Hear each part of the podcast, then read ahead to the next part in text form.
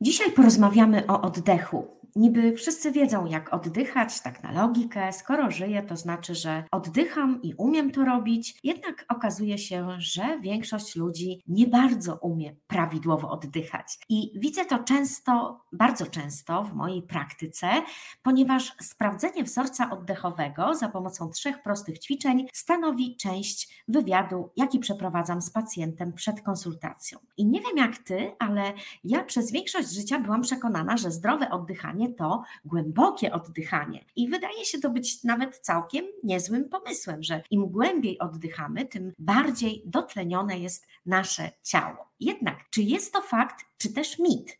Pomyślmy o tym chwilę. Czy faktycznie branie głębokich oddechów dotlenia nasz organizm, skoro zaczyna kręcić nam się w głowie, kiedy na przykład nadmuchujemy balonik głębokimi oddechami. Dochodzi nie tylko do niedotlenienia organizmu, ale i do pobudzenia współczulnego układu nerwowego, czyli wzbudzenia reakcji stresowej walcz lub uciekaj. Odpowiedź na pytanie, czy głębokie oddychanie sprzyja zdrowiu, jest więc oczywista. Głębokie oddychanie wcale nie dotlenia organizmu, lecz wręcz przeciwnie. Im większą ilość powietrza wdychasz, tym mniej tlenu dostarczasz do mózgu i tkanek. Dlaczego tak się dzieje? Otóż odpowiedzialny jest za to tak zwany efekt Bora, odkryty w 1904 roku i opisywany w każdym podręczniku medycyny. Polega on w dużym skrócie na tym, że cząsteczki tlenu przyczepiają się do hemoglobiny, tworząc oksyhemoglobinę, a następnie rozłączają się z nią i uwalniają tlen do tkanek i komórek dopiero wtedy, gdy we krwi jest odpowiednio wysoka zawartość dwutlenku węgla. Krótko mówiąc, do życia niezbędny jest nam nie tylko tlen, ale i dwutlenek węgla, co oznacza, że gdy oddychamy za głęboko, oddychamy nadmiernie, to pozbawiamy się dwutlenku węgla, a to prowadzi do niedotlenienia.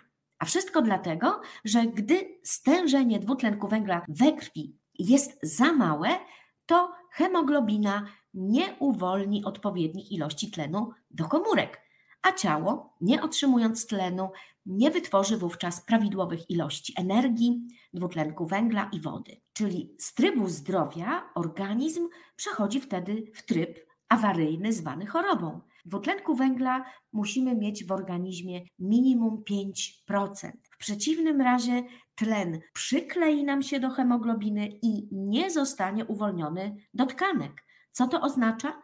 To oznacza śmierć. Przy poziomie dwutlenku węgla niższym niż 3,5% następuje śmierć. Mówi się, że oddech to życie i tak faktycznie jest, ale nie dotyczy to nadmiernie głębokiego oddechu pozbawiającego nas dwutlenku węgla. No i teraz powiedzmy sobie, co robi organizm, próbując bronić się przed utratą dwutlenku węgla, który jest mu niezbędny.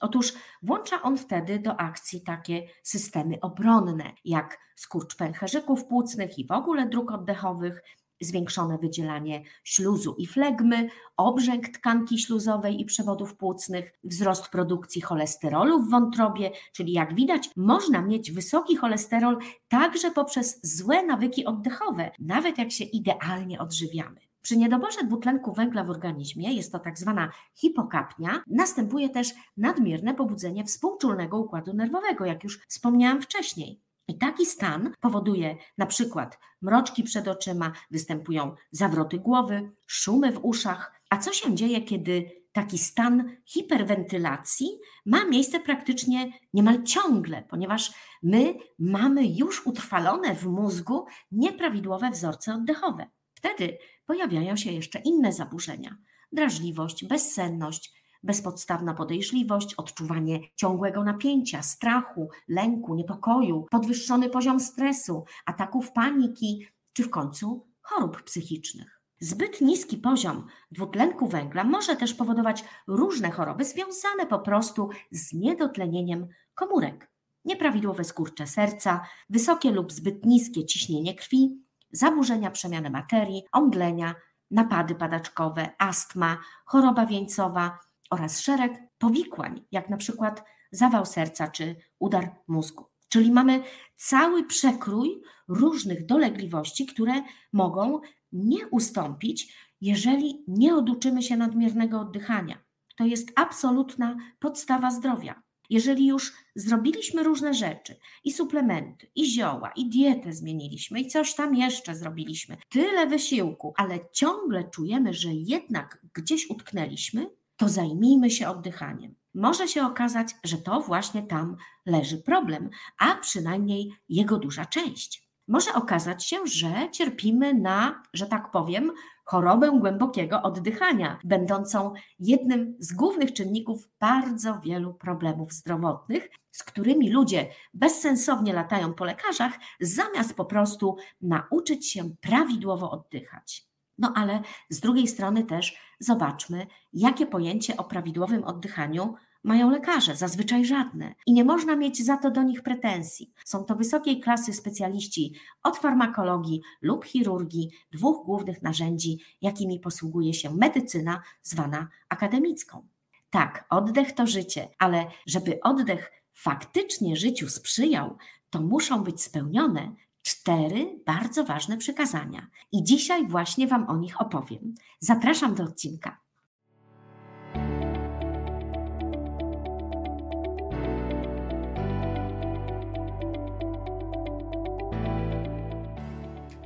Cześć, słuchasz podcastu Okiem Naturopaty.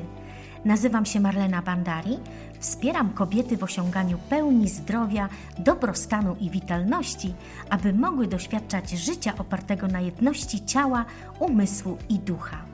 Pokażę Ci, jak możesz pomóc sobie i swoim bliskim, wykorzystując wszystko to, co oferuje nam natura, by odzyskać więcej witalności, spokoju umysłu i pogody ducha. Jeśli poszukujesz inspiracji, porad i motywacji, aby podróż do pełni dobrostanu oddać w ręce natury, zapraszam do podcastu Okiem Naturopaty.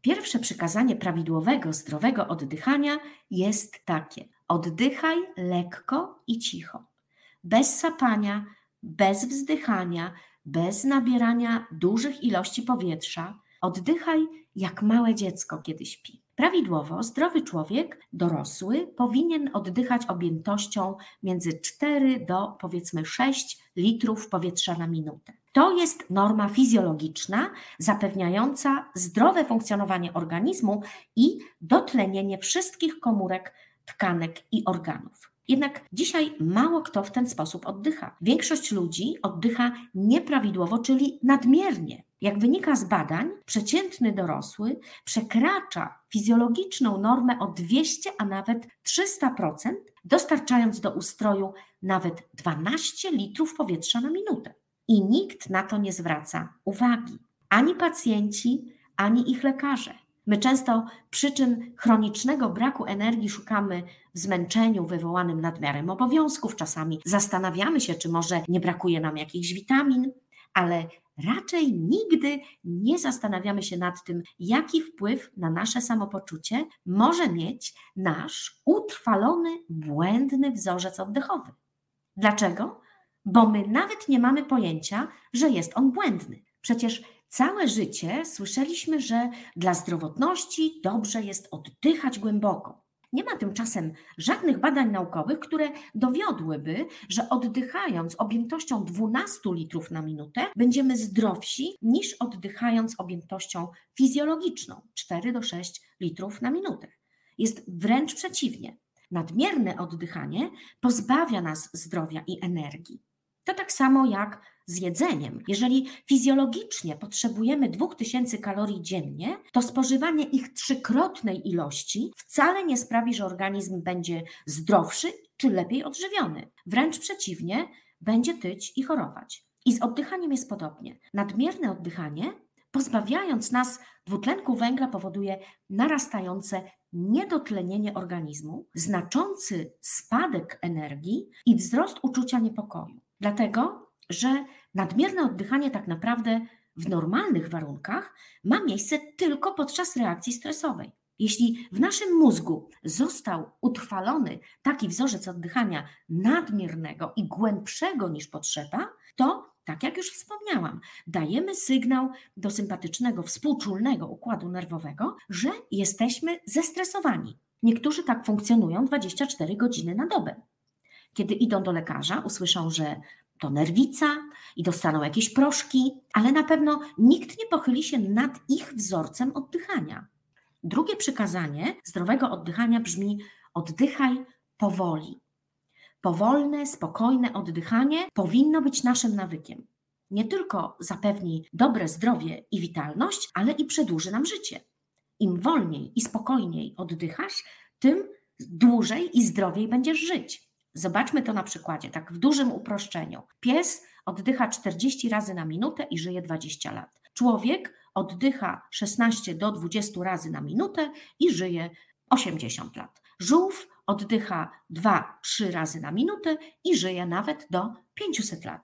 Co to znaczy oddychać wolno? Częstotliwość poniżej 10 oddechów na minutę jest uważana za oddech wolny. Na podstawie licznych badań naukowych proponuje się dla potrzeb treningowych ćwiczenie z tempem 6 oddechów na minutę, skupiając się nie na samym liczeniu, ile wykonujemy oddechów na minutę, ale na procesie powolnego i spokojnego oddychania oraz na procesie zauważania przerwy po wydechu. Długość trwania tej przerwy po wydechu jest bardzo ważna. Jest to tak zwana pauza kontrolna, czyli wstrzymanie oddechu na końcu wydechu na tyle, żeby kolejny oddech, kolejny wdech był również spokojny. Im ta pauza jest krótsza, tym większy mamy deficyt dwutlenku węgla. Deficyt ten powoduje z kolei, że powstająca w płucach oksyhemoglobina nie odda tlenu do komórek, zgodnie z efektem Bora. A to oznacza niedostateczne natlenienie naszych komórek, przy czym ten głód tlenowy na poziomie komórkowym będzie występował nawet, gdy pulsoksymetr nam wskaże, że nasza krew jest dobrze natleniona. Dobrze natleniona krew to tylko pół sukcesu. Druga połowa to, aby ten tlen dotarł do komórek a do tego jest niezbędny odpowiedni poziom dwutlenku węgla. Jeśli nie chcemy się za szybko go pozbywać, to musimy oddychać powoli. Niektórzy ludzie mają pauzę kontrolną bardzo krótką, około 5-6 sekund są w stanie tylko tyle po wydechu wytrzymać bez nabierania kolejnego wdechu.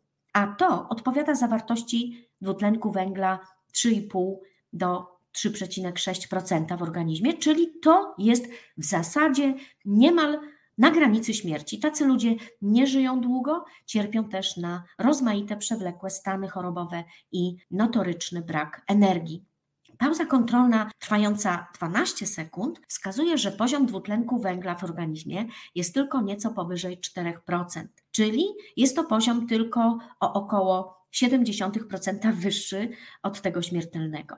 Jak pracować nad wydłużaniem swojej pauzy kontrolnej, uczyłam na szkoleniu Zdrowy Układ Oddechowy. Link do tego szkolenia wrzucę Wam w notatki do tego odcinka podcastu. Trzecie przykazanie zdrowego oddychania brzmi: zawsze oddychaj nosem. Usta służą do jedzenia, a od oddychania służy nos. Kiedy oddychamy nosem, powietrze zostaje odpowiednio przefiltrowane, nawilżone i ogrzane. Produkowany jest też jednocześnie tlenek azotu, będący niezwykle skuteczną barierą dla patogenów. A jest to bariera tak skuteczna, że w 2021 roku na rynek wszedł spray do nosa z tlenkiem azotu który według badań zabija 99,9% wirusów, w tym także wirusa SARS-CoV-2 powodującego COVID-19. I co ciekawe, my wcale nie musimy koniecznie kupować magicznego sprayu z tlenkiem azotu, bo okazuje się, że gdy mruczymy przez nos, to nasza produkcja tlenku azotu rośnie aż 15-krotnie. Więc Warto mruczeć sobie codziennie pod nosem jakieś melodyjki, a szczególnie gdy czujemy, że coś nas chwyta. Dodatkowo tlenek azotu jest również antyoksydantem, więc zobaczmy, ile korzyści z oddychania przez nos. Oddychając nosem, chronimy się więc na przykład przed atakiem wirusów. Jest wiele badań wskazujących na to, że oddychanie nosem znacząco zmniejsza ryzyko przeziębienia i grypy, podczas gdy oddychanie przez usta zwiększa obrzęk i nadmiar śluzu oraz zwiększa ryzyko stanów zapalnych w okolicach uszu, nosa i gardła, zwiększa prawdopodobieństwo chorób wirusowych i osłabia też układ nerwowy. Nie mówiąc już o tym, że kto oddycha ustami, narażony jest na deformację twarzoczaszki. Jest to bardzo charakterystyczna tak zwana twarz adenoidalna, twarz osoby oddychającej przez usta. I dzisiaj u wielu dzieci mają miejsce przewlekłe stany zapalne gardła, uszu czy zatok. U tych dzieci też najczęściej stwierdza się nerwicę, zaburzenia snu, ADHD, bo te dzieci nie umieją oddychać, podobnie jak ich rodzice. Niestety nikt nie uczy nas, jak prawidłowo oddychać, więc musimy nauczyć się sami. I im wcześniej to zrobimy, tym większe korzyści nam to przyniesie, zarówno dla ciała, jak i dla ducha. No i czwarte przykazanie zdrowego oddychania to oddychaj torem przeponowym, a nie klatką piersiową. Klatką piersiową oddychamy, gdy jesteśmy bardzo zestresowani albo goni nas groźny pies. Co to oznacza oddychać torem przeponowym? To znaczy nie górną częścią klatki piersiowej, nie ramionami, ale też i nie do brzucha, tylko w dolną część żeber, czyli przy wdechu i wydechu cała klatka porusza się na wysokości dolnych żeber, na wysokości przepony. Pamiętajmy, że to właśnie przepona jest u nas mięśniem oddechowym, nie ramiona, nie klatka piersiowa, ale właśnie przepona. Ok, to podsumujmy cztery przykazania dla zdrowego oddychania. Po pierwsze, oddychaj lekko i cicho. Po drugie, oddychaj powoli. Po trzecie, oddychaj nosem. I po czwarte, oddychaj torem przeponowym. Praca nad zdrowym oddychaniem zawsze przyczyni się do poprawy samopoczucia. Szczególnie wtedy, gdy już wydaje się nam, że zrobiliśmy wszystko, co należało i nadal nie czujemy się tak dobrze, jak byśmy chcieli.